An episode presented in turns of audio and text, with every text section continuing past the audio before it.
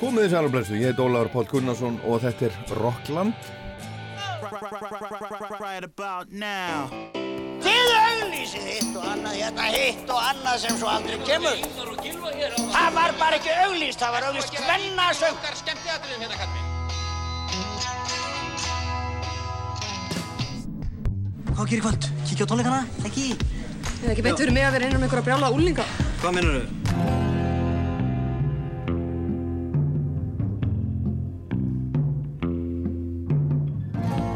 Aðal gestu þáttarins í dag er Emiliana Torrini. En hún var að gefa út plötu núna á förstu daginn sem heitir Racing the Storm og hún er þar með belgísku hljómsettinni vinum sinnum í The Colorist Orchestra og við ætlum að spjalla saman hérna eftir, ég og Emiliana, um þessa plötu og heyra nok nokkur lögafinni og Bubbi kemur aðeins við sögu og Rúni Júl og kjarnorku sprengjur og utangarsmenn og hitt og þetta en það er búið að vera að sína söngleikinn um Bubba, nýju líf í borgarleikusinu núna í þrjú ár. Ég fór og sá síninguna á förstu daginn, fór í annarsinn þá síning numur 167 og við heyrum hérna heyrum gamalt viðtal við, við Bubba og fleira en við heyrum líka aðeins í U2 en núna á förstu daginn kom út platan Songs of Surrender með U2 40 laga sapn gömu lög í nýjum búningi. Og þetta er svona hvað er það að segja það er einföldun að segja að þetta sé unplugged en útsetningarnar eru lágstemdar, akústískar kassagítarar og svoleiðis hljóðfari en U2 hefur alltaf gengið mikið út á, á hljóðheim það hefur verið svona stór stór hluti af hljómsettinni þeir hafa haft frábæra upptökustjóra með sér í gegnum tíðina. Steve Lillywhite, Brian Eno sem er snillingur, Daniel Lanois sem er snillingur og svo framvegis. Þannig að lögin þeirra hafa alltaf verið vafinn inn í úthugsaðan hljóð heim. En núna á þessari nýju plötu Songs of Surrender er búið að skræla það allt saman af. Allar umbúðir farnar. Og eftirstanda lögin og tekstarnir laga smíðarnar einar og berar og þarna er margt alveg ótrúlega gott.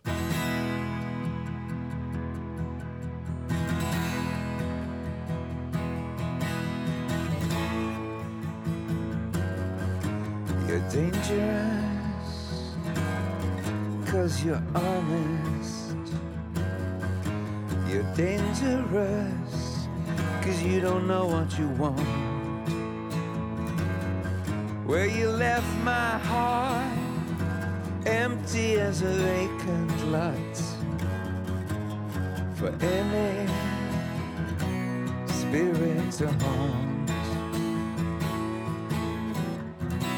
Hey, hey, sha la la, hey, hey, you're an accident waiting to happen.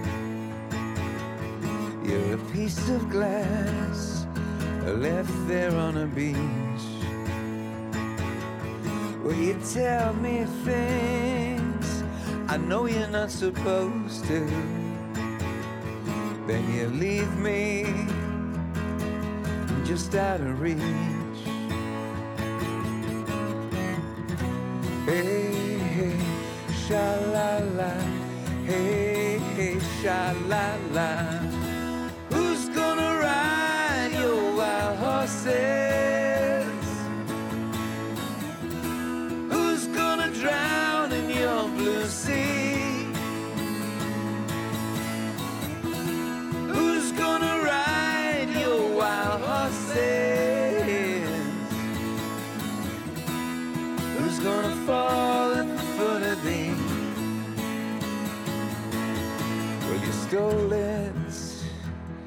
I needed the cash. And you killed it, cause I wanted revenge. Well, you lied to me, cause I asked you to. Baby, can we still be friends? Hey, sha la la, eh, hey, eh, hey, sha la la.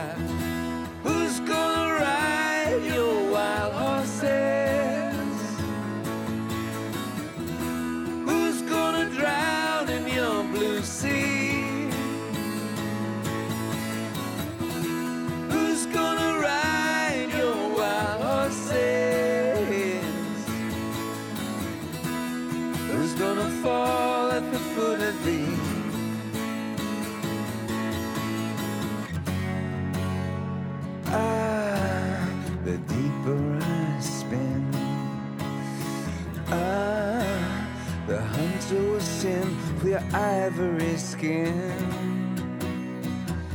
Took a drive in the dirty rain to a place where the wind calls your name.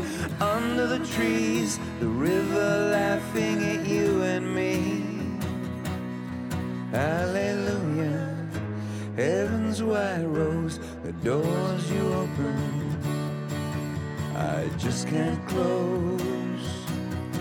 Don't turn around. Don't turn around again. Don't turn around. You're on the track. Don't turn around. Don't turn around again. Don't turn around. Don't look back.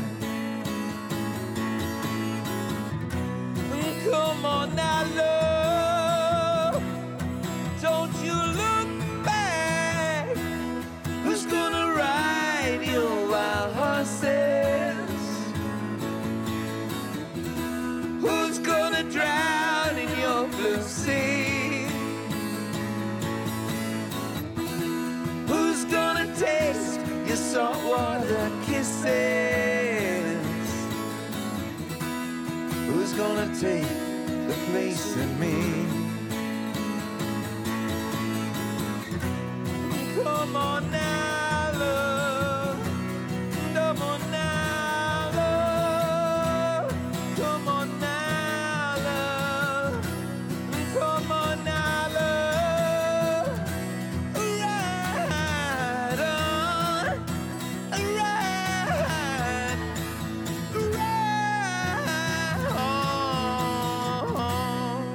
U2 og Who's Gonna Ride Your Wild Horses eins og það hljómar á plötunni Songs of Surrender sem kom út á förstu daginn, þetta kom uppaflega út á Actum Baby fyrir 30 árum síðan.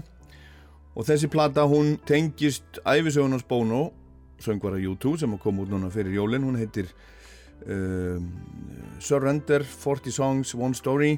Og þessi plata Songs of Surrender 40 lög. Þetta er ekki alveg sömu lögin og hann fjallar um í bókinni eða bókin er byggð upp sem svona 40 kaplar 40 lög, 40 kaplar þetta er ekki alveg öll sömu lögin en svona flest. Og það er mikið um að vera hjá YouTube þessa dagana. Þeir eru er mikið af efni að koma frá þeim. Þeir voru í, í BBC að spila í síðustu viku. Bono og Eds komið fram í þætti sem að heitir Piano Room þar sem að eh, allir spila coverlög og þeir spiluðu Abbalag, SOS, þið getur fundið það á netinu og núna um helgina þá var frumsýndur þáttur á Disney Plus þar sem að David Letterman er með Bono og Edge í Dublin að fjalla mitt um plötuna. Og þeir eru búin að vera, vera mjög víða. Það er, þið þekki mörg það sem að heitir Tiny Desk Concert, þið getur fundið það á YouTube. Þeir voru þar núna um daginn Edge og Bono.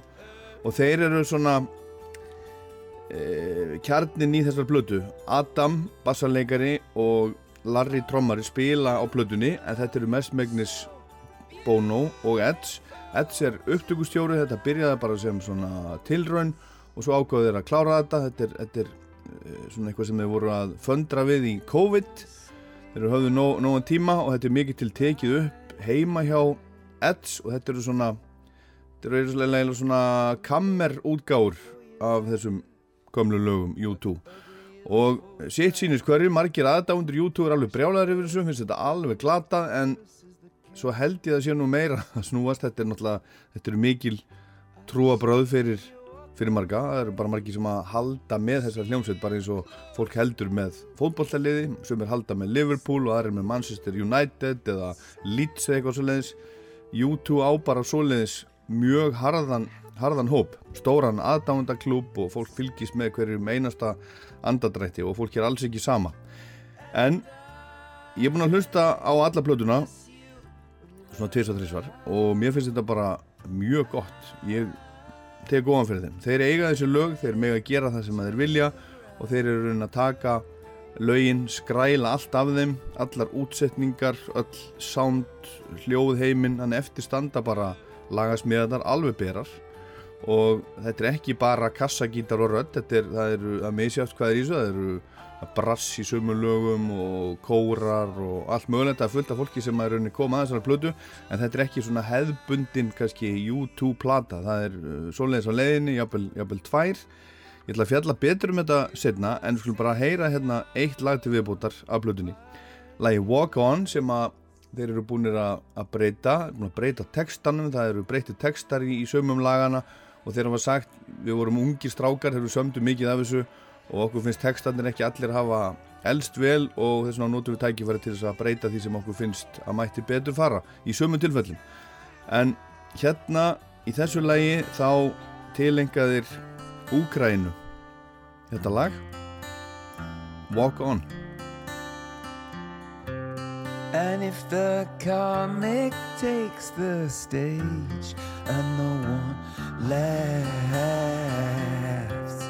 and does a dance on his own grave for a photograph, this is not a curtain call. This is the greatest act of all. A stand up for freedom. Oh, whoa, walk on, walk on. What you got, they can't steal it, they can't even feel it. Walk on, walk on. Stay safe tonight. And if the dancer on the street wears a veil of tears, it's a dance no army can defeat. Love turns her fears into a kind of rage that can't be kept inside a cage. You fight or you fly, we're born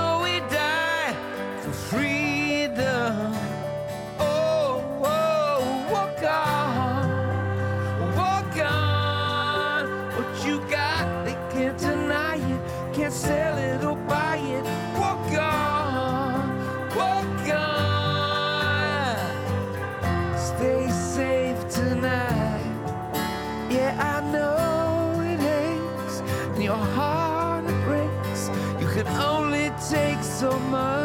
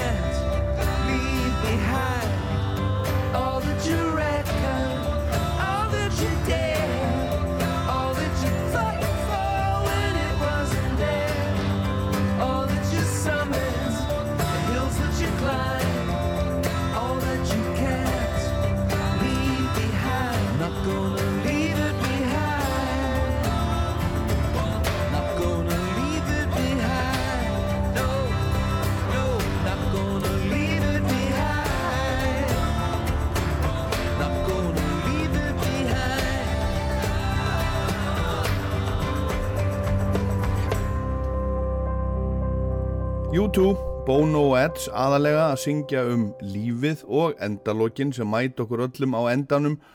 Og þá þarf maður að skilja allt dótið sitt eftir, allt sem maður hefur sapnað að sér gegnum lífið, you gotta leave it behind.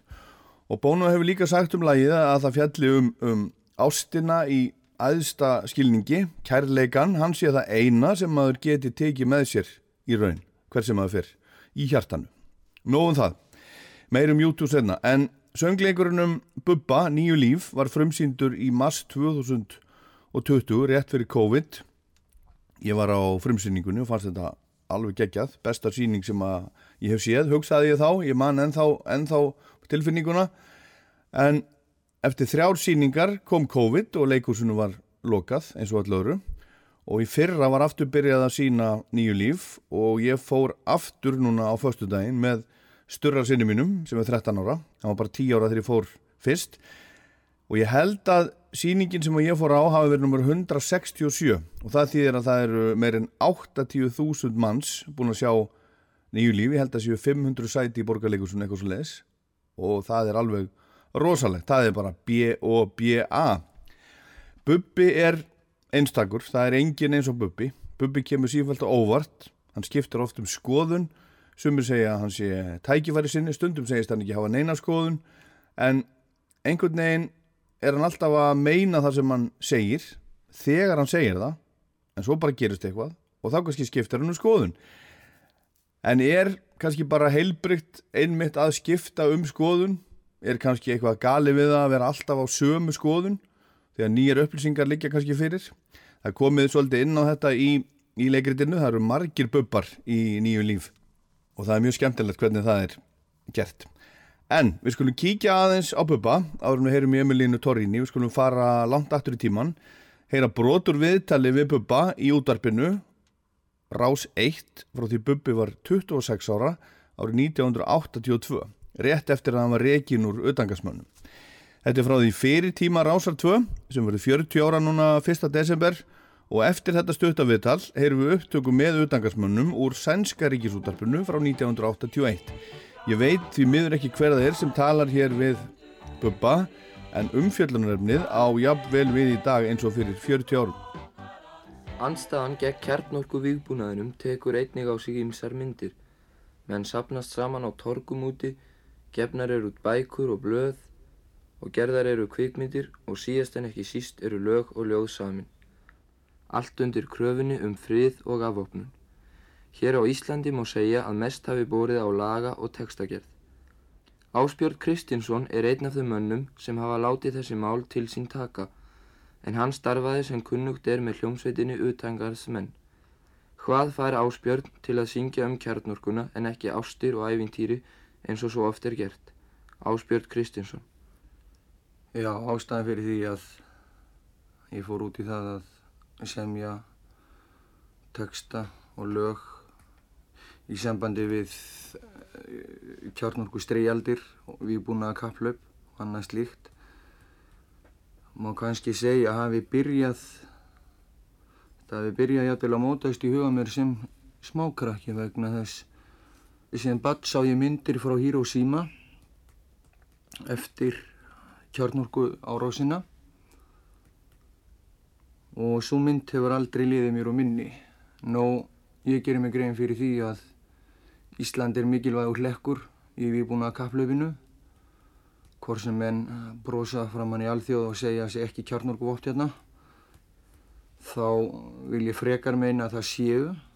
Og meðan að svo er og meðan ég veit að það er ríki sem er í dag að auka framleyslu sína með gjúræðingavopnum æg og meir þá skulum við heldur ekki gleyma því að þá hlýtur þetta snert okkur nú Ég get ekki hugsað mér að eh, sitja aðgerralaus og vita þessum hlutum. Orðin elska og fríður, þetta eru sennilega með fallir orðum í mál okkar. En oftast nær eru þetta bara tómorð töluð. Nú, það hefur verið barist hér árum saman fyrir því að fá herrstöðuna úr landi og þá aðalega í þeim skilningi séð að menn vilja vera hlutlausir og ekki taka þátt í að hýsa hér vopnaðan hér sem er þjálfaðir í þeim eina tilgangi að drepa, lemlesta og meiða. Nú, ég hef nýtt mér tónlistina til þess að ná í yngstu aldursópana sökum þess að þeirra verið doldi afskiptir meðal intellektuál á vinstri kantinum. Að þeirri fórsendu að bæði hefur verið hugsað sem sé að þessi krakka séu ekkit meðvitar um hlutina. Við mögum ekki gleyma því að þetta eru þeir sem koma til með að taka við okkur. Nú í öðru lagi er rock í dag um allan heim er þetta nýtt sem eitt sterkasta eitt sterkasti miðlinn í dag? Nú það væri kannski tímabært að þessir að háa herrar hér á vinstri kantunum gera sig grein fyrir því að rock er ekki lámenning og rock er jættvel sterkari hlutur en þryggja tíma ræða í ræðustól. Nú ástæðan fyrir því að ég syng ekki um ástir og ævintýr er það að Það væri doldi lítið eftir af ást og æfintýrum ef kjarnorkan fengi að halda sínu striki. Við lifum á kjarnorku öld og við gerum okkur grein fyrir því að jætvel krakka hópurnir á hlemmi svara þér þeim orðum þegar þú spurð, spurð þau um uh, þeirra lífsfilosófíu. Það er ekkert að lifa fyrir, við getum verið dauð á morgun, við sitjum og búum á kjarnorkusprengju og ég held að þetta lýsi bara ástandinu helviti vel.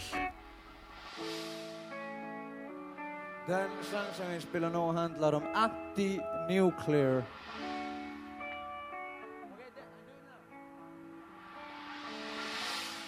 Heill þér fadir alheimsins, segð þú mér, vorum við ekki fætt þér til dýrðar? Eða sáu forfiðu mínir ekki að sér? Ekkert sann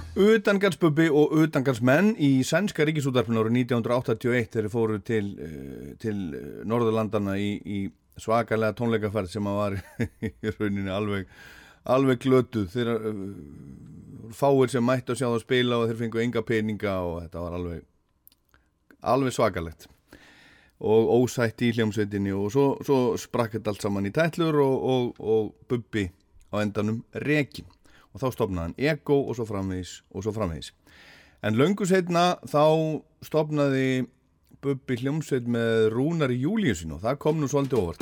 Eða löngu setna, það var 1991 og það kom mörgum á óvart. Eða fyrst voru þetta bara Bubbi og Rúnar og platan hétt GCD og svo, svo kom önnur plata og þá var þetta notað GCD á hljómsveitina. Þarna saminuðust í rauninni tvær kynnslóðir, utangarsmenn og hljómar og þetta var alveg svakalega vinsast. Og við skulum rifja hérna upp heimsók GCD sem voru sér að Bubbi, Rúnar, Gulli Brím og Beggi Mortens. Þeir komu í Studio 12 á Rástfö í þátt til Efu Ásrunar Albersdóttur sem að held Svanfríður og Svanfríður. Árið er 1993. Trúi ekki á Krista Ég með trúi ekki á andaglasið nema til að drekka út Ég var nútíma maður. Ég var nútíma maður. Ég var nútíma maður Þanga til í gæð Ég fíla myndir og ég fæ mér stundum reik. Ráa kjötið elska ég er ég lyfti mér á kreik. Ég var nútíma maður, ég var nútíma maður, ég var nútíma maður, þanga til í gæð.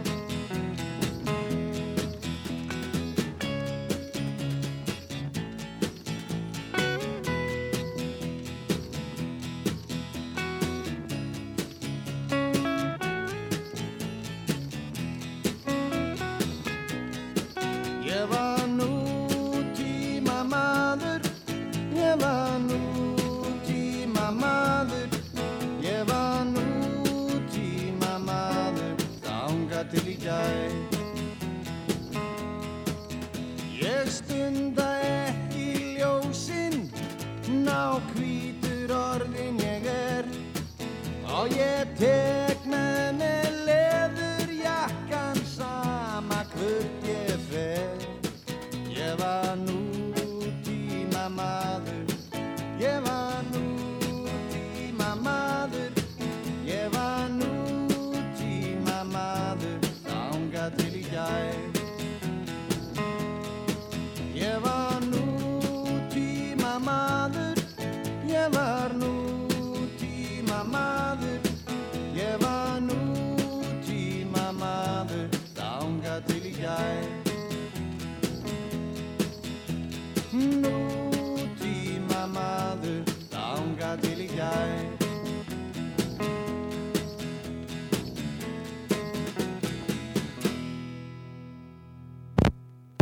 Nútíma maður, já.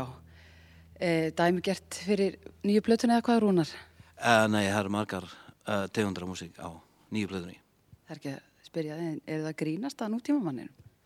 Nei, nei, hann er alveg lifandi vera hérna í þessu þjóðfélagi. E, er einhver sérstök fyrirmynd? Já, til dæmis. Til dæmis Bubbi sjálfur? Já, já. Býtu nú við, geða okkur einhverja betri skýringu á þessu Bubbi. Það er bara einfalt mál að hérna, þegar við vorum að vinna þetta lag að þá ákveðum við að gera grín af sjálfum okkur og fyrst og fremst má kannski setja lagi þannig við erum, við erum svona já ég líti á mig svona degjandi kynstofn Býtu nú við? bókstaflega Hvað, hvað, hefur verkið með þessu vinnur? Hvernig, af hverju?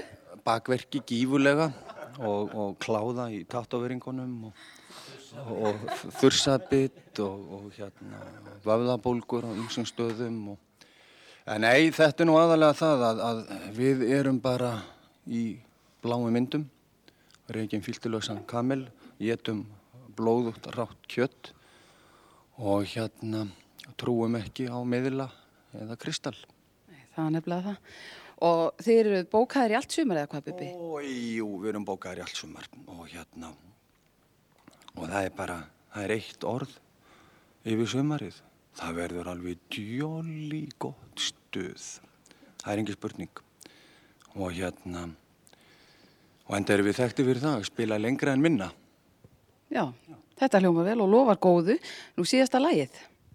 Slæmt karma heitir það og það er nú þannig að við trúum á karmalögmáli og það er nú mísjönd hvernig menn taka út sitt karma en við höfum komist að því að, að það versta karma sem nokkuð maður getur lengt í og það þýðir það að þú gerir eitthvað að þér í ekkur í lífinu og svo í næsta lífi þarf maður að taka það út og þeir sem hafa verið verulega, verulega slæmir í fyrir lífum þeir eru þingmenn í dag Ég skal segja ykkur það. Þetta vissi ég ekki.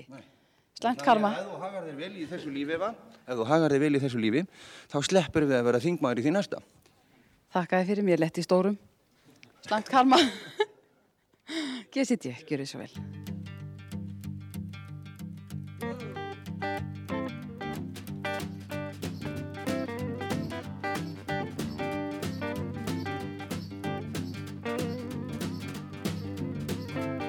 Þetta er slæm karma, þetta er von karma og ég harma þeir fá hlutverk sínir á alþingi. Þetta er slæm, þetta er von karma, þetta eru venjulegi lúðar, húmoslösi trúðar, eigin konar og börn, það finnst engin vörn. Þetta er slæm, þetta er von karma,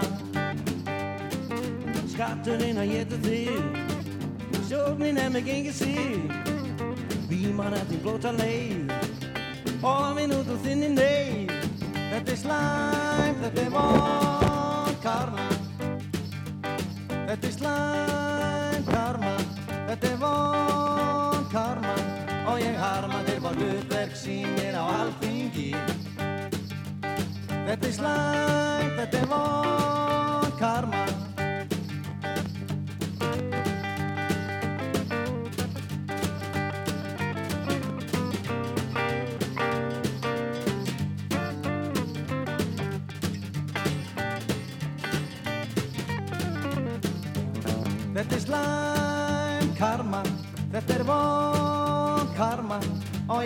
ég harma þeir fá hlutverk sínir á alþingi.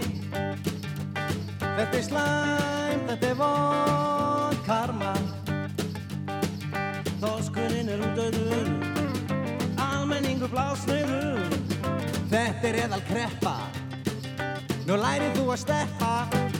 Þetta er slæm,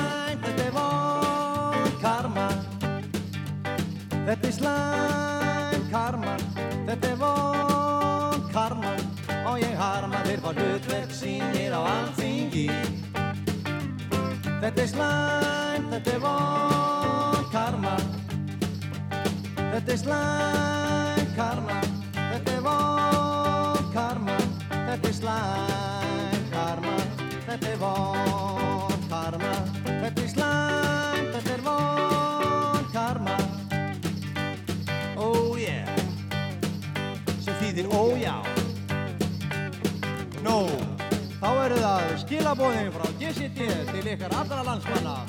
Það verður 25 stiga híti í allt sumar upp á hvern einasta dag. Og áður en þið vitið að því verður við drenginni búin að koma ykkur í lag. Og því þarna nýra alþingin og gerir okkur greiða því kautu ykkur stuttbuxur og strigaskó og náðu því golfkindurnar og farið upp á jökul og verið þar í allt sumar.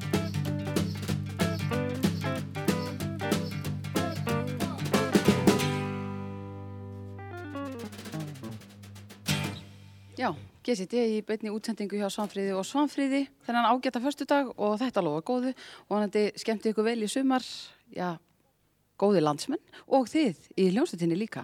Kæra þakki fyrir komuna, Bubbi, Rúnar, Gulli og Beggi. Takk fyrir okkur. Takk, takk, takk.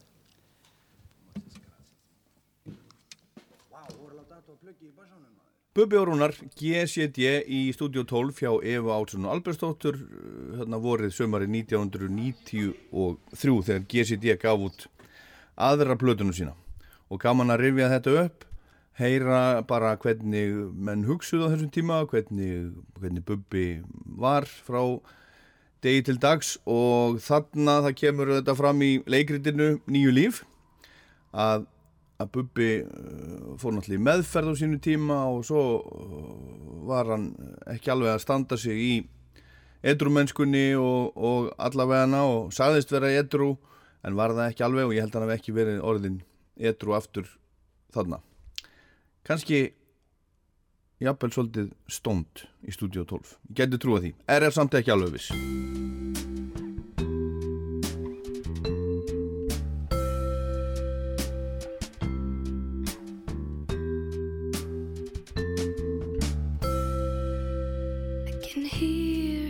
Emiliana Torrini er eina af okkar bestu konum svo ég noti gamlan og kannski svolítið þreytan frasa.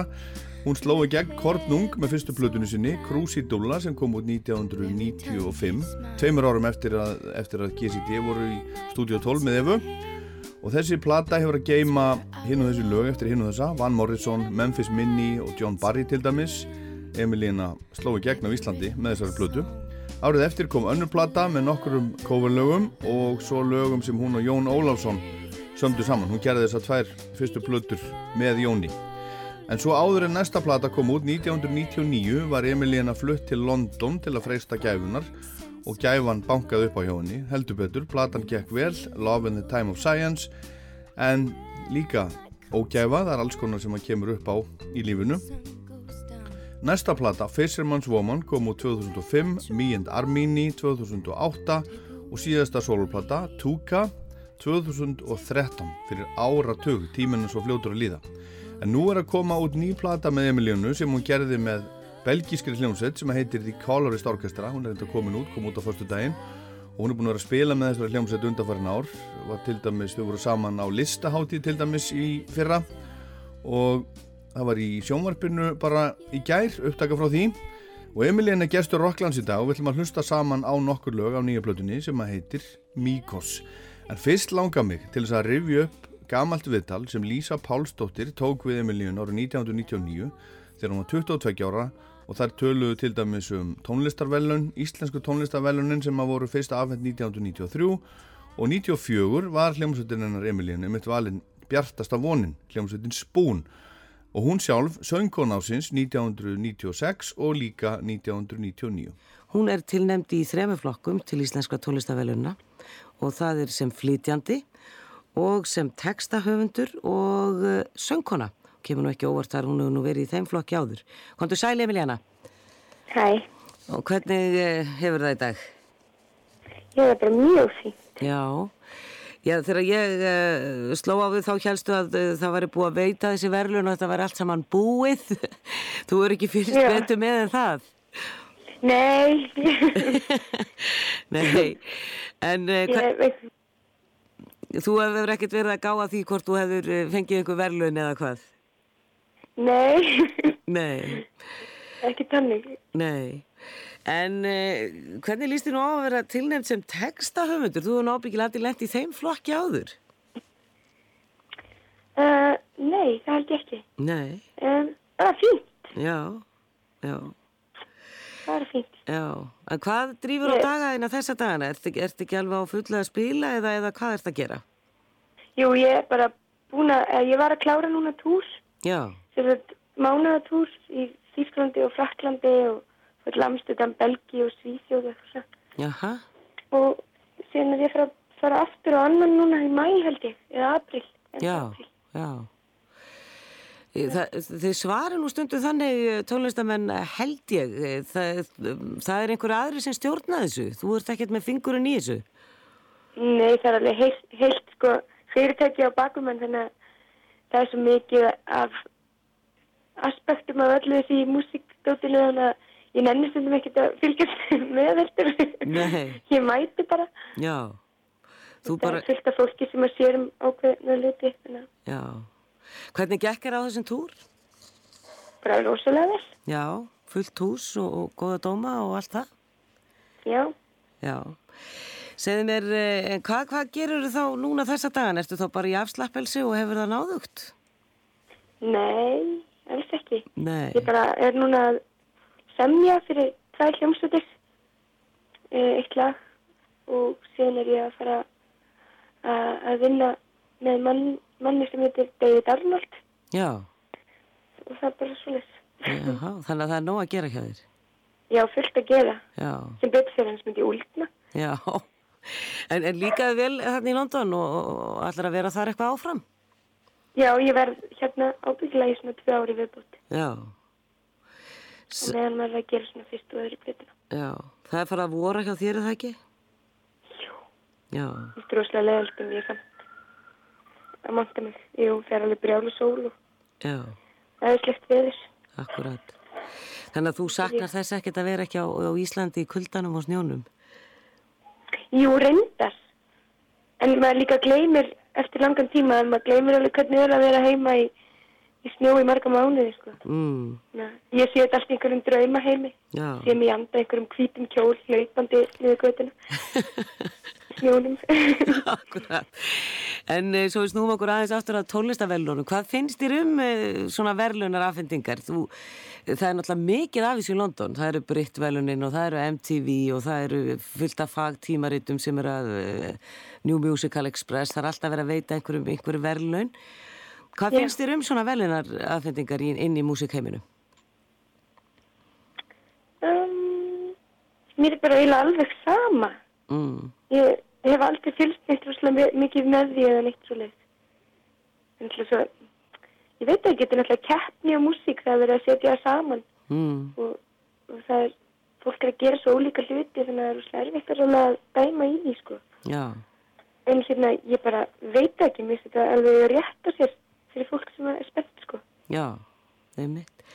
En, en uh, kannski álitið á því, eh, erum við að velja vinsælasta lagið eða erum við að velja besta lagið til dæmis? Þetta er svolítið uh, erfitt að velja það?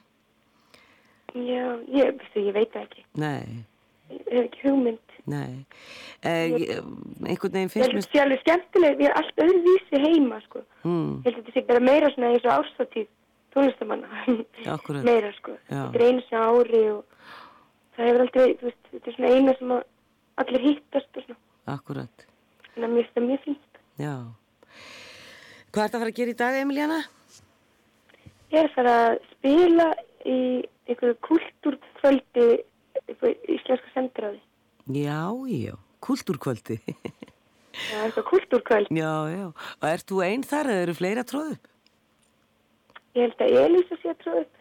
Já, akkurat. Og þá Mhm. Bellatrix eða bara hún einn? Bara hún einn held ég. Já, Síðan er Finnur ópersöngari. Ég held að það heiti Finnur, jú. já, En hérna, já, þetta er bara svona eitthvað kósi kvöld, held ég. akkurat. Þannig að þú ert að fara að skemmta það með Íslandingum í kvöld. Já, Heyrðu, og var að gera sérstu lögða þetta líka. Já, var það ekki? Var ekki Andrea Gilvardóttir að syngja fyrir ykkur um síðustu helgi? Jú. Á Þorrablót, síðbúinni Þorrablót. Já, já, Og var mikið fjör? það var rosa stuð. Já. Mjög skemmtilegt bara. Heyrðu, Emiliana, við segjum bara áframhaldandi gangið vel. Það er smáskíf á leiðinni, það er ekki ný af plötunni. Hver er næsta smáskíf af plötunni? Næsta smáskjáða með það Easy og það á eftir Unemployed en hérna, það verður svona bráðum. Já. Komum bara svona til nokkru mánuði.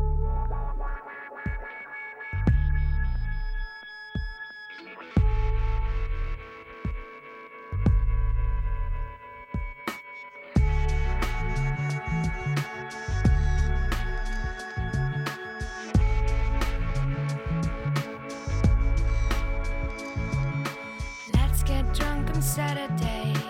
Walk up Primrose Hill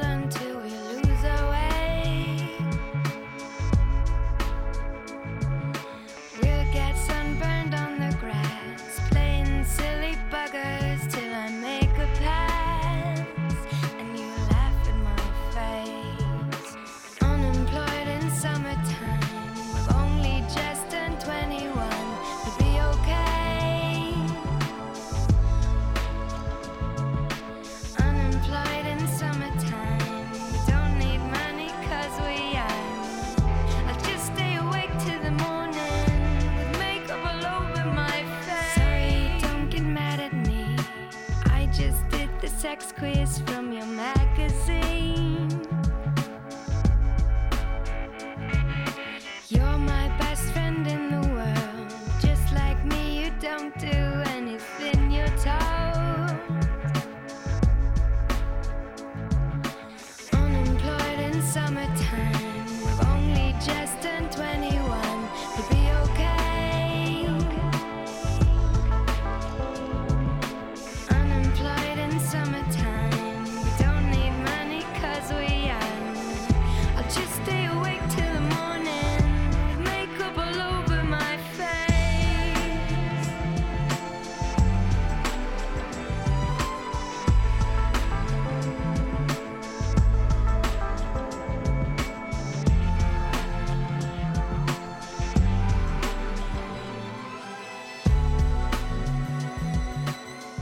Emiliana Torini, Unemployed in the Summertime af plutunni Love in the Time of Science sem kom út 1999 og Emiliana var valinn söngkon ásins á íslensku tónlistafölunum. Ég ætla aðeins að renna yfir, nú eru, eru íslensku tónlistavelunin framundan, þá er það að afhenda hlustendavelun X-ins og Bylgjurnar og, og FM núna núna á föstudaginu heggi og þetta er svona tími velunana, Grammy, Oscars veluna, íslensku tónlistavelunin og, og allt það.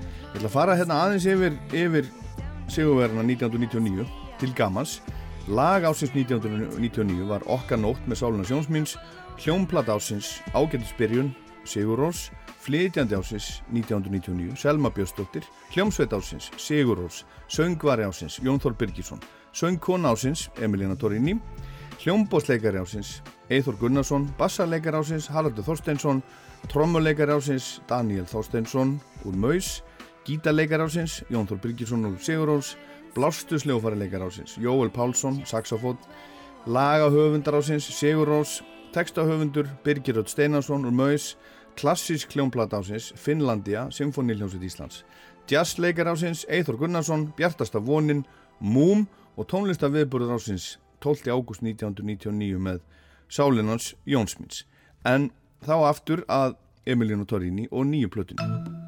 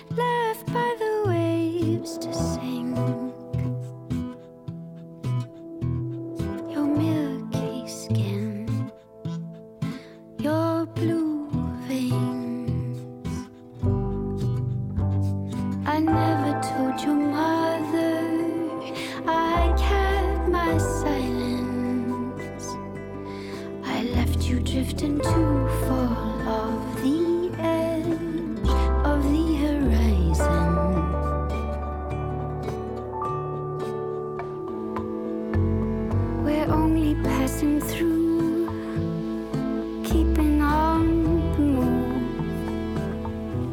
Surrender to such weathered scenes, whatever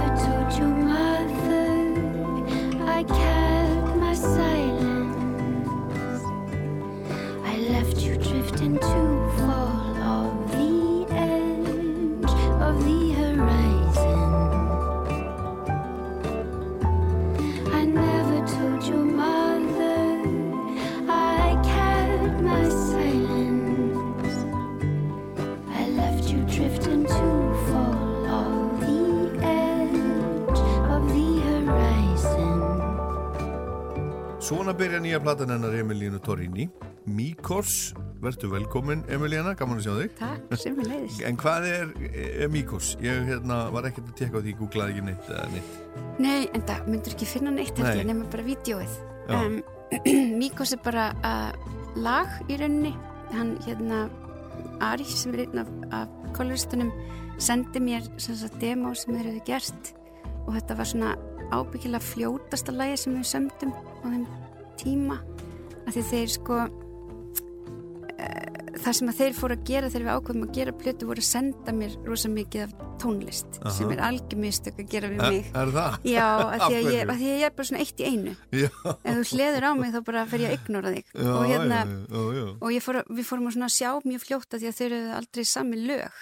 Þeir, þú veist, þeir eru útsetjarar og þeir gera meiri svona uh, þú veist um, já, svona verk í Mhm. rauninni og ég var að fá bara oflaðin efni og, og það fyrsta sem ég var svona, já, heyrðu, getið bara tekið allt út nema trommuna og þeir eru alveg bara, ha, búin að vera að vinna að þessu rosa lengi að þetta fór að vera svona annarkvort verði ég að gera toplænir Já, og þá fannst mér ég ekkert sem er, sem er laglína.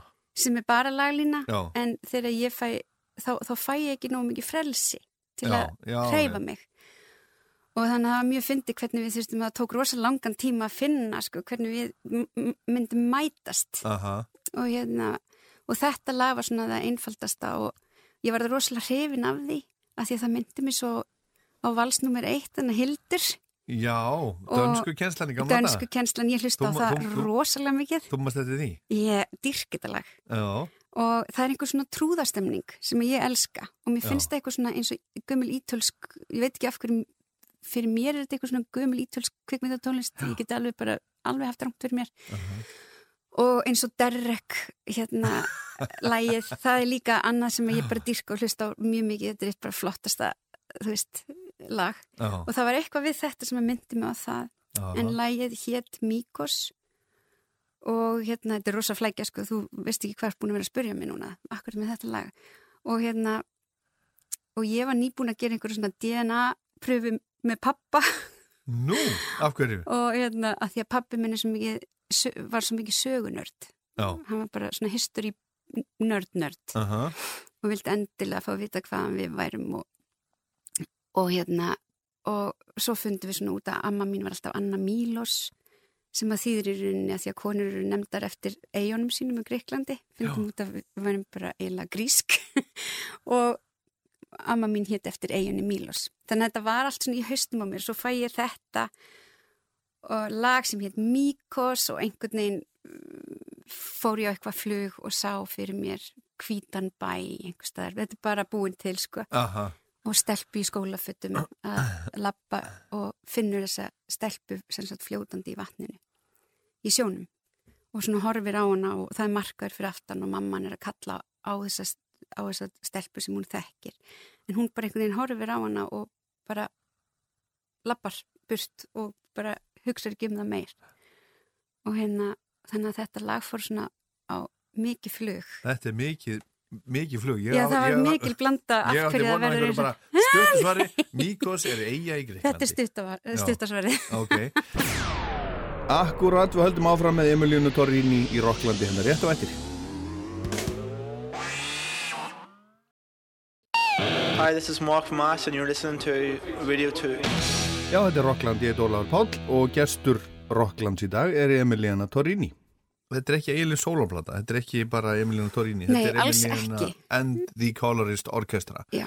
En hvernig, sko, segðu mér aðeins, aðeins uh, frá þessu, þetta eru sem sagt belgar, þetta er, Mhm. þetta er hljómsveit, þetta er stór hljómsveit, Mhm. eða hvað? Já, Þi- við erum tíu á sviði Já, um, Soundmaðurinn er í hljómsveitin okkar. Hann er líka producent og, og hérna upptöku stjórn á plötunni.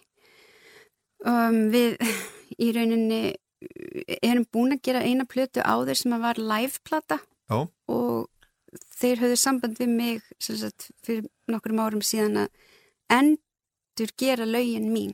Aha, og hérna og ég vissi ekkert hverju verið, ég bara já já, veljið bara lögin og ég skal koma og við ætlum að gera fimm gig saman og ég bara já já, ég bara mæti og við gerum þetta. Og hérna, og svo bara urðum við einhvern veginn svona yfir okkur ástfangin af hvert öru, bara við hljómsveitin. Þannig að þegar kom í endan af þessum fimm giggum, þá bara einhvern veginn byrjuðum við bara að fara að segja bless? Já. við bara að fara að kveðja og við varum bara svona hérna já, ekkert alveg að fíla það. Þannig að við ákvaðum að taka sér upp, upptökur af þessum fimm giggum og gefa út liveplötu svo að við fengum bara að spila lengur saman. Þannig að við vorum eiginlega að túra í þrjú ár saman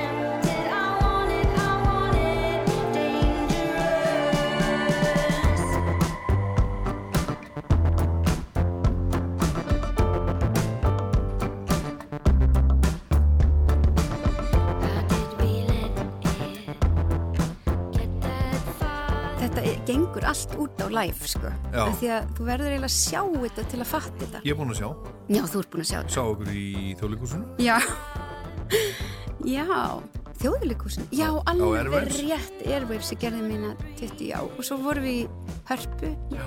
og reyndar að spila þessa plötu. Við æfðum hana þrísvar, þetta var fyrsta Já, kikið okkar já, alveg. en hérna þannig að við erum svona já, og svo kemur að endanum á þessum þremur árum og þá er svona ennþá meira býtur við að fara að segja bless núna þú veist, maður veit alveg hvað þýðir þegar maður fyrir að segja bless þá er maður bara ekki að hittast alltaf Já, já. og þá einhvern veginn fannst okkur eins og við ættum nú frekar að prófa að semja saman Mhm. og það verið áhugavert af því að þeir eru ekki lagahöfundar Já. Og- Er ekki allir samt lagahundar? Ef út í það fyrir. Jú, þannig séð, þetta er samt allt annað format sko. Já. þetta er miklu sko, að Ég, finna ég er að meina bara fólk almennt. Ég held að geta allir jú, saman. jú, jú, algjörlega og bara misjent við vel sko. Já. en ég held þetta sé svona, svona þú velur hvaða fjöður er inn í, inn í galdrastafniðinum Aha. þú veist að því að það sem var kannski erfiðara fyrir okkur að finna var hvernig ég passaði inn í sándi þeirra Mhm. og hvernig þeir getur slakað aðeins á að því að það er svo auðvelt þú veist, þegar maður er að gera verk eins og þeir eru að gera þú veist, þá ertu miklu frjálsari, þú veist, þú bara æðir af stað, Já, bara já. "Ó, þarna er bjalla og er þitt þetta og, Aha. en ég er náttúrulega svona svolítið stoppir fyrir þá, af því að núna erum við að gera lög En hérna, mér finnst eins og kannski búin að finna einhvern veginn bara svona eh, þitt band svolítið.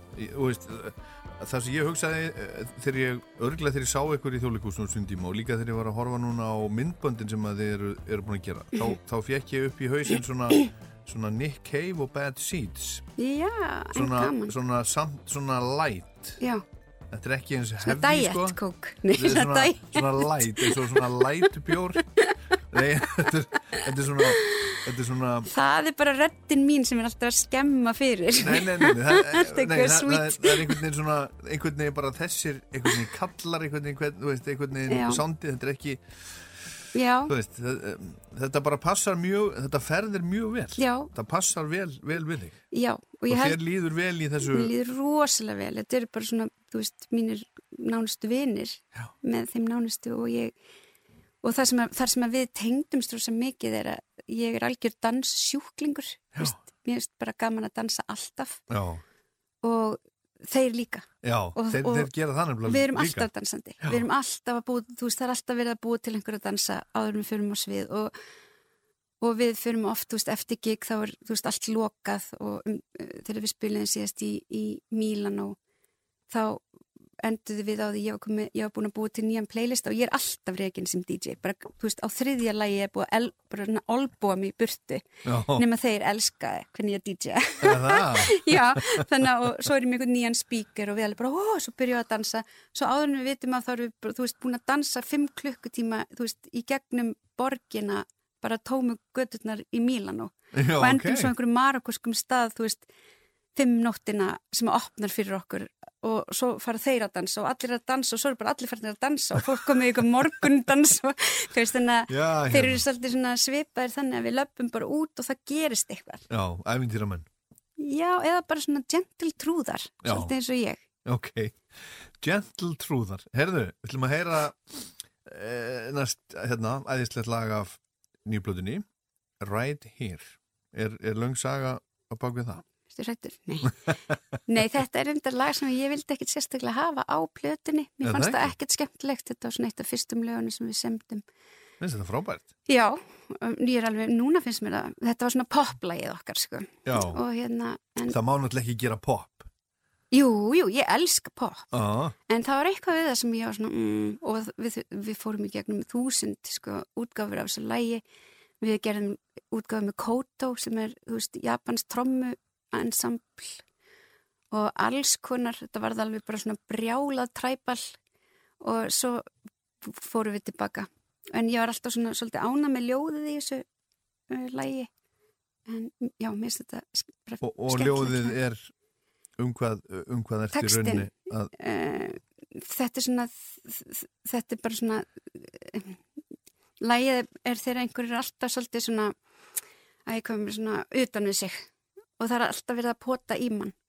Og þetta er svona nokkrar sögur að það er alltaf verið að taka mann úr dagdrauminum í rauninni og hugsuninni og svo er þetta svona uh, langtíma sambönd, ég var svolítið mikið svona að hugsa uh, með langtíma sambönd hvað þau eru svona, maður þarf svolítið, þetta er svolítið svona eins og uh, svona en- endurance test, hvernig sem er það á íslensku Uh, já, það er bara svona uh, þólpróf. Já, þólpróf í byrjun.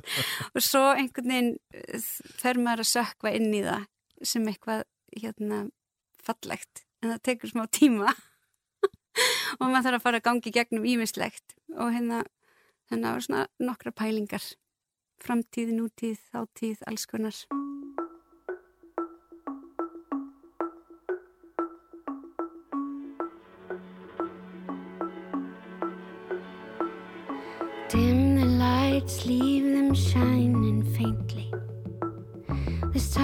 quiet really makes me sing. Her little hand in mine, so warm and sleep defeated. Oh no, I'm listening. Uh-huh. Here's to all the roads that we've been down. From flights to falls, embrace them all. Long is the road both, they say. Is that so?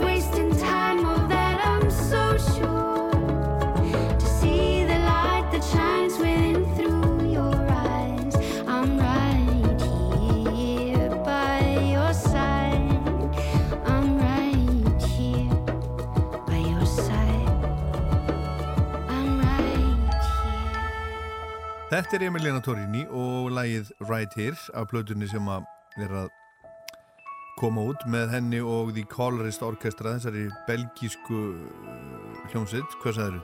Gentle Trúðar en, en talandi um, þetta lag, þú veist að segja að þú hefur ekki, ekki vilja hafa þetta með fyrst að þetta var svona ómikið eitthvað pop og eitthvað svona. Nei, bara, það var eitthvað ekki endilega út í að það var pop heldur bara það var, bara ég fílaði það ekki. Það var eitthvað ekki? við það sem ég var ekki að fíla. Ég er nefnilega er búin að vera að lesa æfisugunars Bono og það er hann Ok. að tala um hérna, hérna With or Without You Mhm. þegar þeir voru að gera það Mhm. og þeir voru að vinna náttúrulega þá plötu Joshua Tree með, með, með Brian Eno sem er bara svona sinni, Mhm. Svona amb, ambient músík og allt það Mhm. og þetta lag þeir voru eiginlega búin að henda því vegna að það var bara Brian Eno sagði, oi, finniði lyktina, þetta er pop. Þú veist, þannig að þegar ég veit ég var hent svo var það vinnur að Bono og Googie sem að, sem að fór í lagi og sagði, heyrðu, það er ekkert eftir það er bara aðeins að raða því aðeins öðruvísu Já. og þá er það æslegt Þannig að þetta er sko og, og, og, og, og mér hefur, hefur svo oft ég hefur svo oft sko lesið þetta hjá tónlistafólki að sko stóru hittararnir eru lögin sem hann lendur næstu því í ruslinu. Já, Jungle Drum. Já, Það fór næst í rusli ef að Dan hefði ekki tekið eitt svona drama fitt á mig. Já. Við fórum að rífast svo rosalega. En hvernig er það? Spilar á hljófæri? Ég spila ekki, þú veist, ég get ekki sest niður og spila lög. Nei, Eh, en, en þú varst að læra á get- gítarið þegar ekki? Þegar þú varst krakki. Já, og ég hef alltaf verið að fykta en ég er rosalega það? og líka ég hef alltaf svona sagt mér að ég þurfi að þú veist, þetta er bara svolítið mikið þetta byttu, spilar ekki hljóðfæri en hvernig semuru og það er svo fyndið að ég er bara með hljóðfæri sem er inn í líkamannum á mér. Þú þarft ekki neitt nema það í rauninni. Aha. ég get bara byrjað að syngja lag og ég get verið búin að klára lag. Uh, þannig að þú veist, oft eru hljóðfærin miklu meira fyrir af því þá þarf ég að vera elda kort í staðin fyrir að ég get bara byrjað á einhver sem er mér langar að gera. Og farið bara í flæði. Þannig að stundum er það bara svona eitthvað svona fyrir en stundum er það líka bara svo ég geti ekki verið að syngja. Mér skaman að sitja við píjánu og bylla eitthvað. Já, en spilar þú sem þetta á píanó, ert með píanó? Nei, ég segi ég spili ekki hljóðfæri en þegar ég er að djamma með hljómsutum, uh, þú veist minni hljómsveit uh, þá er ég stundum að fara á bassa og ég ger mikið, ég er rosa góð í svona bassalínum og að gera svona uh, syndahúk og svona Já, já. ég geri frekar þannig, frekar Já. í stúdíu að spila eitthvað, þá get ég gert það í pörtum eða Mhm. komið með melodir en ekki að þú veist, yfirleitt láti ég þá svo einhvern annan fá það því að ég er ekki, þú veist, annars myndum við taka þúsund klukktíma Aha. En, en hérna, sko, við höfum nú oft talað saman í gegnum tíðin og, og, og þú hefur sagt mér frá uh, svona þegar þú varst að semja með þessum og hinum og svona. Mm. Semur aldrei, semur aldrei ein. Er aldrei svona, þú kemur eitthvað, ég, ég er með lag hérna, það er bara tilbúið. Það byrja svona og það enda svona cirka. Ég gerði það með hérna eh, sko yfirleitt finnst mér það alveg rosalega leðilegt sko fyrir mig er, er þetta svo mikið um tengingu. Já. og mér er svo gaman að vera í stúdíu þar sem hægt er að, að vera impulsífur og að strax sem maður er komið hugmynd þá getur maður gert það. Uh, ég þarf að vinna bara hugmyndina núna annars tengi ég ekkert við hana setna uh, ég elska að vera með fólki og borða og tala og uh, út á nótt og vera bara meira í svona 24 tíma vinnu í viku eða þú veist 10 daga og fara svo heim og að því að hér er bara of mikið að tröflunum fyrir mig þegar ég er heima þannig ég er alltaf að segja, þú veist, já ég er svona heimavinnandi húsmóður og svo er ég þú veist, popstjarna einhvers þar þegar ég fyrir af og til en já, ég ger þetta í svona, þetta henda mér miklu Já. betur En þú, en þú ert ekki, uh, þegar við vorum að tala um Nick Cave á hann, hann bara vaknar á mótnana, fyrir sturtu, fyrir jakkafötin og fyrir á kontorinn til þess að semja. Já. Þú gerir það ekki? Nei. Aldrei? Nei. Hvað hva, hva gerir á daginn? Ég, sko, ég er að vinna á fullu á daginn. ég er líka bara að vinna, þú veist, bara úti, þú veist, alls konar plön og þú veist svona. Mhm. En ég kannski frekar, kannski er að brugga meira, Mhm. þú veist. ég- Heimabrugg. Já, ég er bara í heila bruggi, þú veist, Já. ég er rosa mikið, ég vinn best ef að ég myndi fara á klúb til dæmis og það er allir að dansa og allt brjála, þá myndi ég geta unnið rosa vel við tölvuna. Alveg? Já, en svona heima bara eitthvað þá, þá bara, þú veist, styrlast ég sko. Já. Um, en ég hef alveg gert það, þú veist, mér dreymir lög oft og ef ég næð þeim þá tekið þau niður. Já, ertu þá með skrifblokki eða tekur upp á síman eða Já, ég tek bara upp á síman og svo, sem það sönglar uh, laglínur þá já, og svo heyri ég alveg allt lægið fyrir mér sko. Já. og þá hérna, og ég gerði það með The Boy Who Giggles Was Sweet er draumalag. Og uh, svo þessari plötu er hérna brúkupslægi mitt uh, sem ég samti fyrir manni minn. Sem Ég- er, mig sem, það sem er hvaða lag? það heiti Wedding Song. Ef að heyra það? Já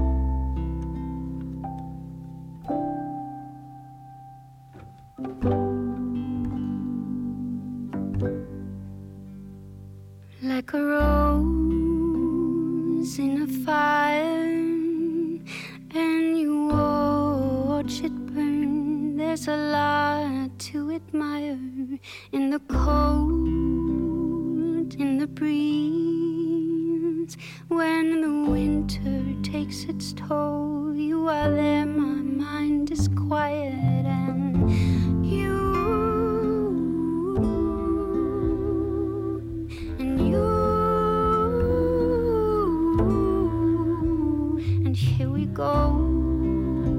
my heart is yours.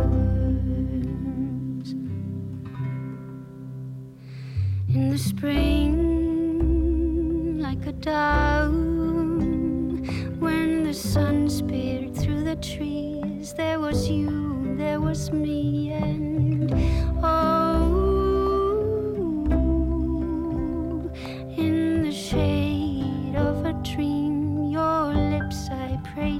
keep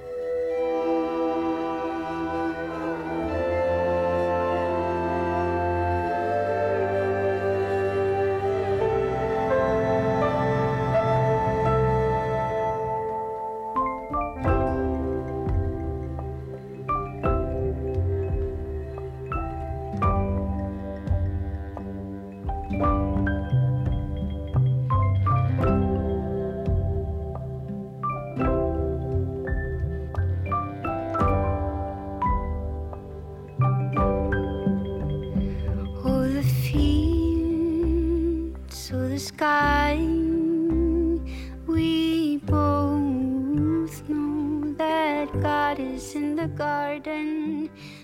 Þetta er Wedding Song, Emiliana Torrini af nýju plötunni sem hún var að gera með The Colorist Orchestra. Þú samtir þetta fyrir mannið Mhm, Fyrir brúköpi okkar. sem var, sem var hvernig. Uh, Vá, bara ágúst fyrir COVID.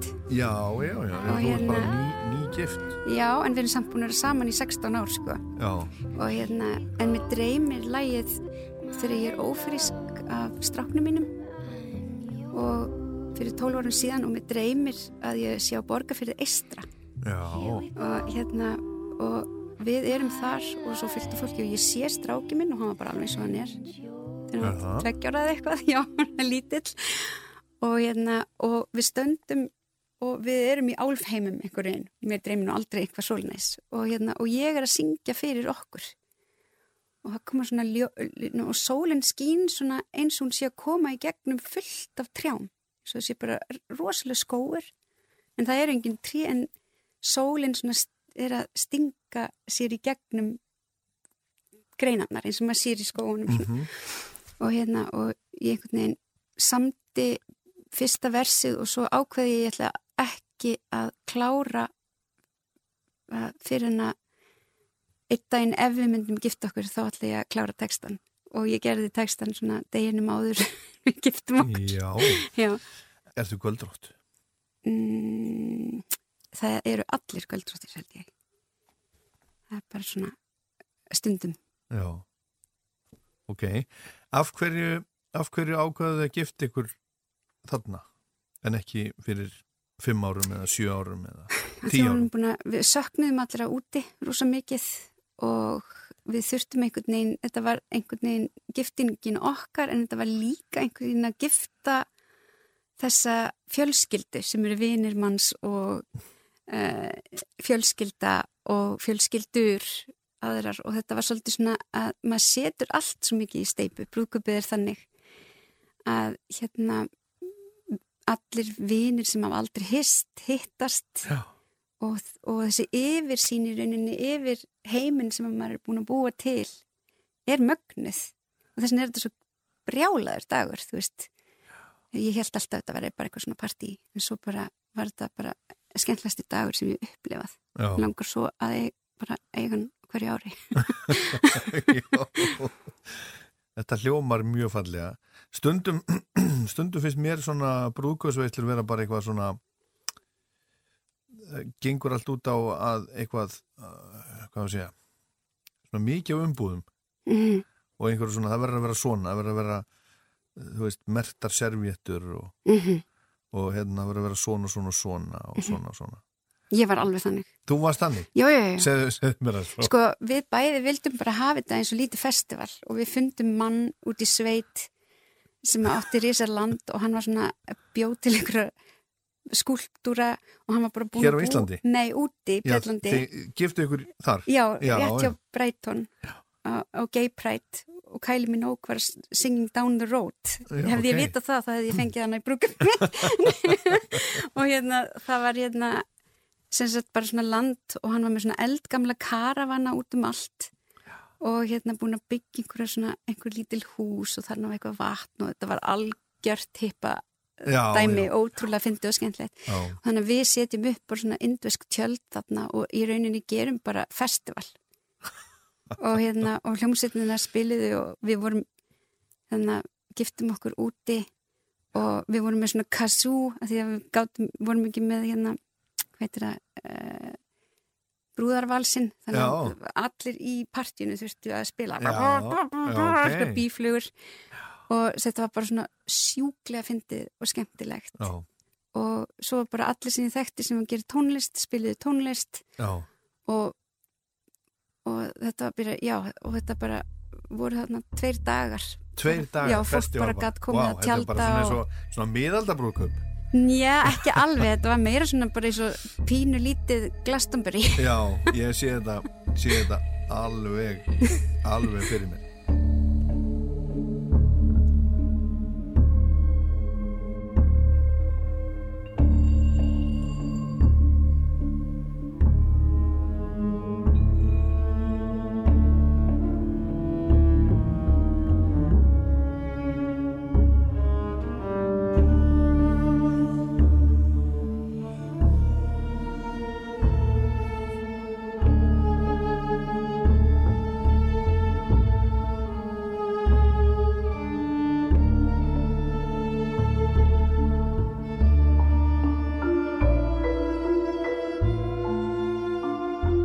Talandu borgarfjörðu eistra, þú varst aðeins að, aðeins að ræða. Þú ert náttúrulega þú ert náttúrulega sem að, sem að kveikti neistan að bræðslunni sem er ennþá, ennþá sprellifandi Já, ég kveikti ekki neistan, það var sko hérna heiðar. Nú var það þannig? Áskelsson, já hann sko Hafði hann, sá, hann samband hafði við samband við Já, já, já. Og þetta er svona uh, hérna bara dásamlegt fólk. Já. og hérna hann er mikill vinnu minn.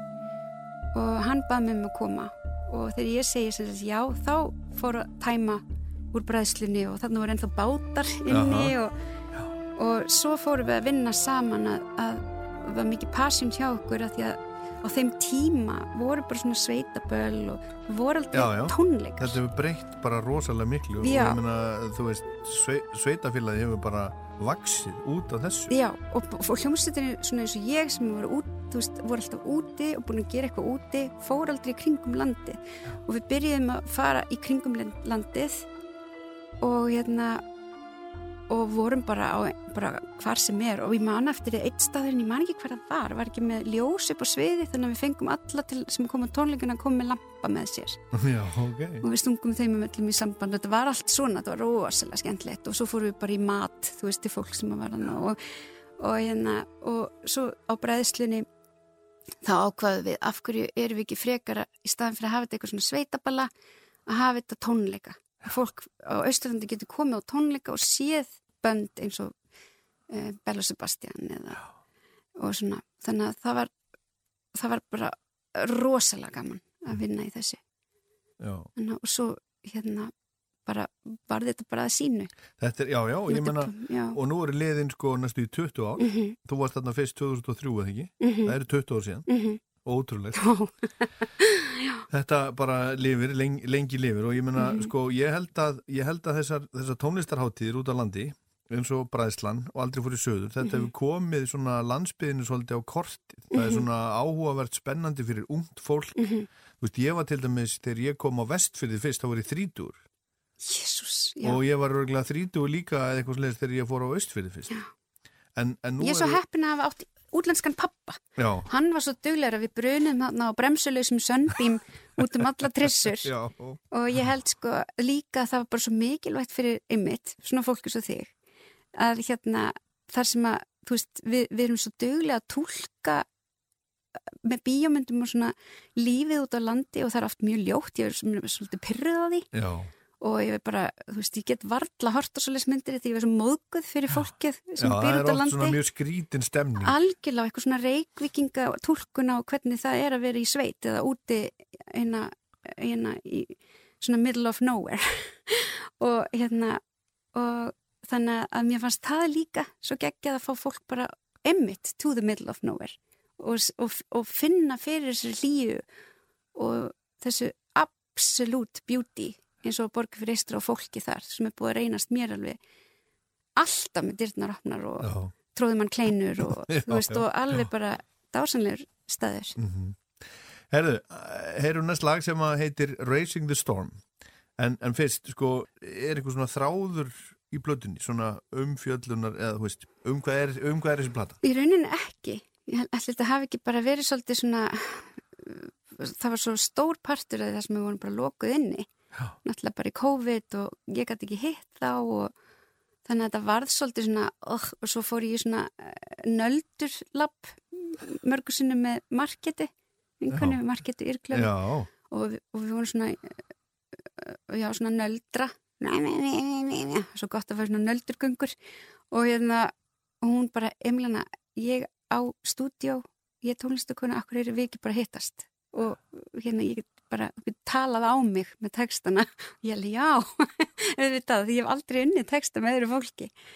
Og þannig að ég fór bara að það bjargaði mér alveg, ég fór bara, hún var mín búbla og ég fór í stúdíóð í henni sem er náttúrulega bara fallegasta stúdíó ever. Og við vorum voru mikið bara að vinna saman. Þannig að þess vegna kláraðist þessi plata. Já. þú veist þannig að hún ekkert klárast. Já, þannig að hún er, hún er, hún er með þér þarna í já, þessu. já, hún er með mér í, í, í textunum Já. mjög mikið ég, ég var með svona hugmyndir þú veist hvað ég vildi að kannski að segja þig En þetta lag sem við ætlum að heyra næst, Racing the Storm. Racing the Storm, það- sá texti er skrifaður af Vim pianuleikara Mm og í hljómsveitinni hann var svona að reyna hann, við gerðum þetta lag uh, svolítið svona eins og creative hearing þannig að ég er svona bulla og hann heldur ég sé að segja þetta. Og þannig að það er mjög skemmtilegt að vinna texta svo leis Já. og hérna og þessi Racing the Storm, þá vorum við á leiðinni við vorum sko fórum eh, hérna á flatir í, í húsið hjá vinkunum minni hérna Helgur Akkel og vorum að vinna þar mjög mikið. Og hérna vorum með fjölskylduna búin að draga mömmans Arif með okkur og þetta var algjört svona alg, dásanlega ferð. Svo þegar við vorum á leiðinni heim þá hérna sjáum við það að það bara kom einhver brjálaður stormur og ég þarf að koma með til Reykjavíkur svo þeir geti farið heim. Þannig að við ákveðum bara að kasta öllum inn í bíl og, og svo keirði ég sko á 120 allir inn í Reykjavík með stormin bara, á, bara í raskatinu sko. Já, ok. horfðum bara á hann í baklökunum bara, ó, getum ekki stoppað. Og hérna, svo hérna, vorum við eitthvað að ræða á leiðinni bara, vá, er þetta ekki fyndið? Að við erum alltaf að flýja storma. Við erum alltaf í miðjum stormum. Og hérna og bara, þú veist, we're always racing the storm. Og að því að alltaf þegar ég kom til hérna, Belgia semja þá stendur hárið well, ég, bara mér eru allir sköllóttir en svona bara út í loftið af því að það er bara einhver rosalega elek elektróstormur. Og svo þegar við vorum í stúdíónu það kemur annar og slekkur á öllu stúdíónu tekur stúdíóðu út og þú veist, ég er bara alltaf í einhverju svona. Og hérna, og leiðinni þarna þá verður þetta lag svolítið til. Að því að við, við Arís höfum svona verið eitthvað að leika okkur með eitthvað svona að dansa, eitthvað svona svolítið bossa nova og búið þetta til. Og þetta er annarlega sem átti ekkert að vera á plötinu því þetta var svona of mikið þannig. En já, en verður bara svona, já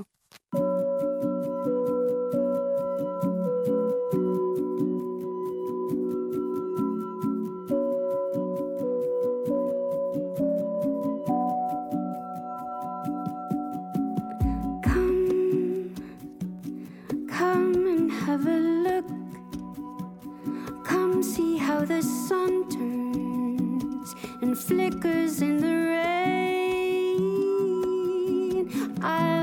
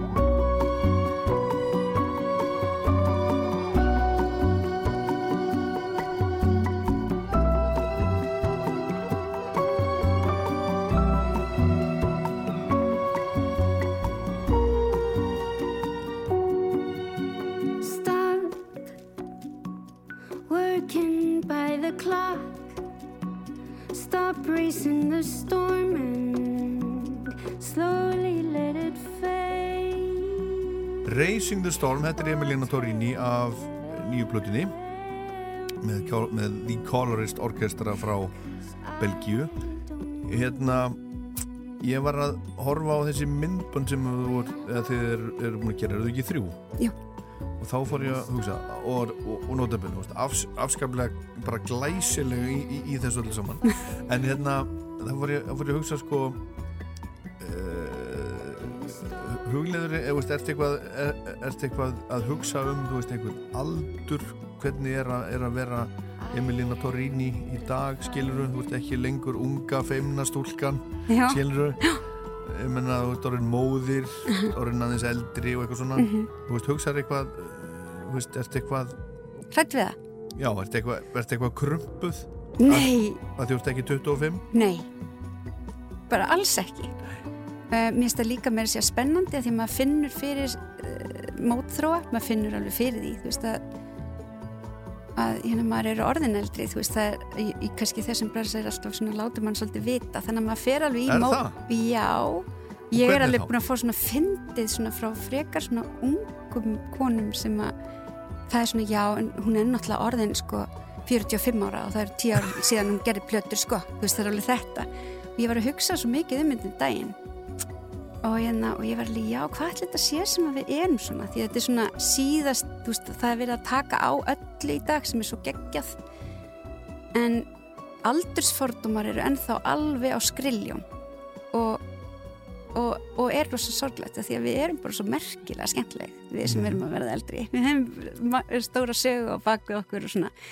En hérna þá fyrir ég svona að hugsa, já, hvað ætla þetta að sé þú veist, og ég held þetta sé bara af því að ég held að fólk bara horfi á mann og sjáu sitt eigið mortality í rauninni að við erum ekki ódöðleg, við verðum öll eldri. Og það stuðar náttúrulega fólk sem er í miðju beauty-dótinu öllu, skiluru það er alltaf við líka við erum að bombarda hver aðrar með einhverjum alveg bara svona óstjórnlega fullkomnum útlitum og þannig að ég held að, að að það sé bara svolítið bara gott að vera ekki að taka þátt kannski. Þú veist, mér langaði bara að vera að gera dansvídeó bara með, þú veist, dansurum sem eru 60 ára og Aha. þú veist, vera bara í mínu og svo fór ég líka að hugsa um svona tónlista því að mér veist tónlist svo æðisleg en það er ekkert margar rattir sem er að tala fyrir mig þú veist, við lífið sem ég er með. Langtíma sambönd til dæmis.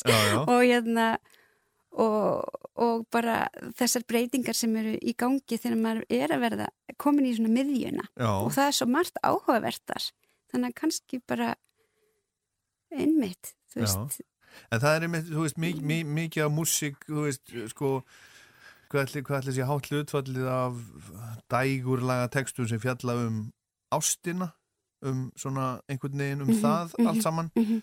hvað ætli sé 90%? Já. Eitthvað svona leiðis og, svo og, og oft er þetta eitthvað svona, eitthvað svona, þú veist, eitthvað svona unga ástfangna fólkið og eitthvað svona. Mhm.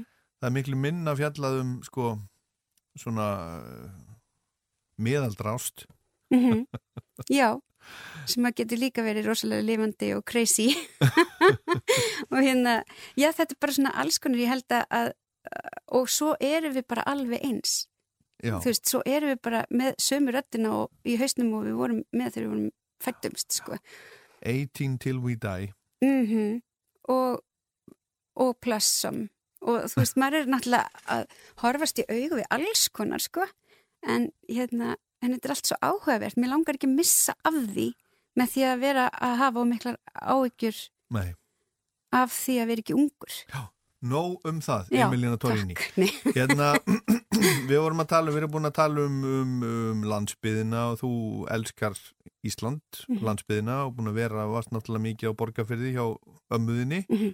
þegar þú varst, varst stelpa. En, en þú hefur ekki, og svo ertu, svo ertu í þessari hljómsveit sem er belgísk og Mhm. þið eru að spila út um allt, en, en uh, þú er ekki verið mikið að spila hérna, hérna heima. Ertu, ertu opinn fyrir því að spila hérna, hérna heima meira eða, eða já, já, það er aðalega bara því að þú veist setupið mitt er alltaf úti Já. um, það er ekkit auðvelt að koma eh, 15 manns Já. til Íslands En í svona, í svona öðru, öðru setupi, ertu eitthvað, ertu Jú, eitthvað í jú, því? ég, sko ég er rosalega lítið í því að syngja núna það sem ég var að gera áður að því ég er svo mikið að semja nýtt ég er að fara að gefa út plötu 24 Nú? og ábyggilega 25 líka Nú, býtu, uh, með hverju þá? bara með mér Já, ok. og hérna um, þannig að ég Sem soloplata á næsta ári?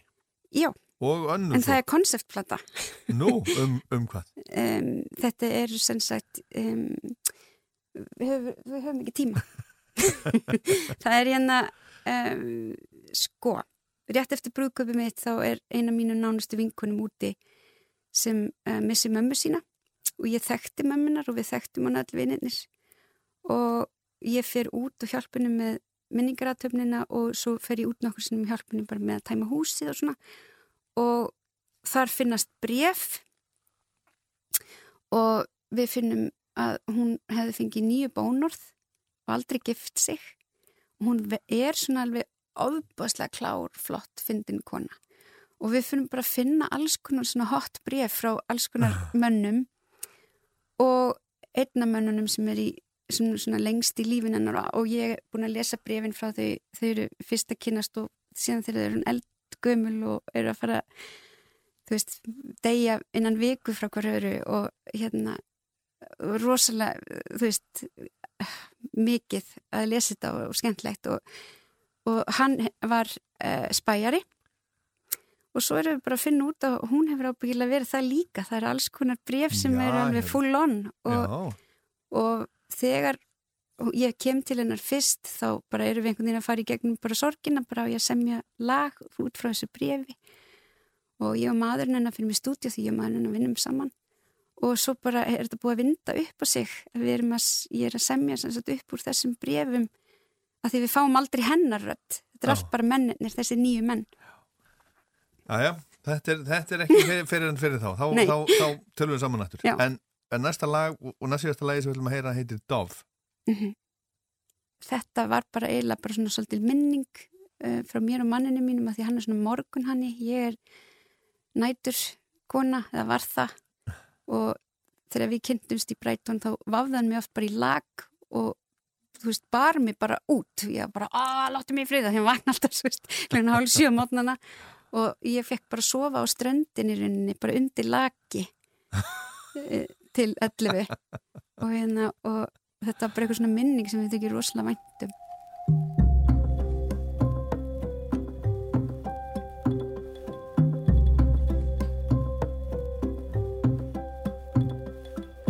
Not much to say, things have been so quiet. Life's become too simple for big words. And I think of you floating in your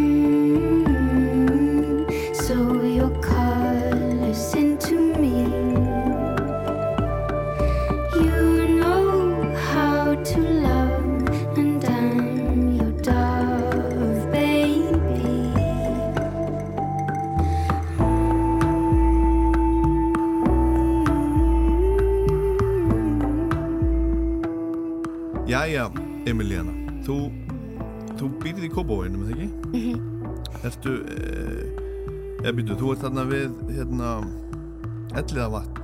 Já, Eða- ég er, nei, ég er í, já, hverfinu hjá Elliðavatni, já. Já, og, og ertu ánað þar?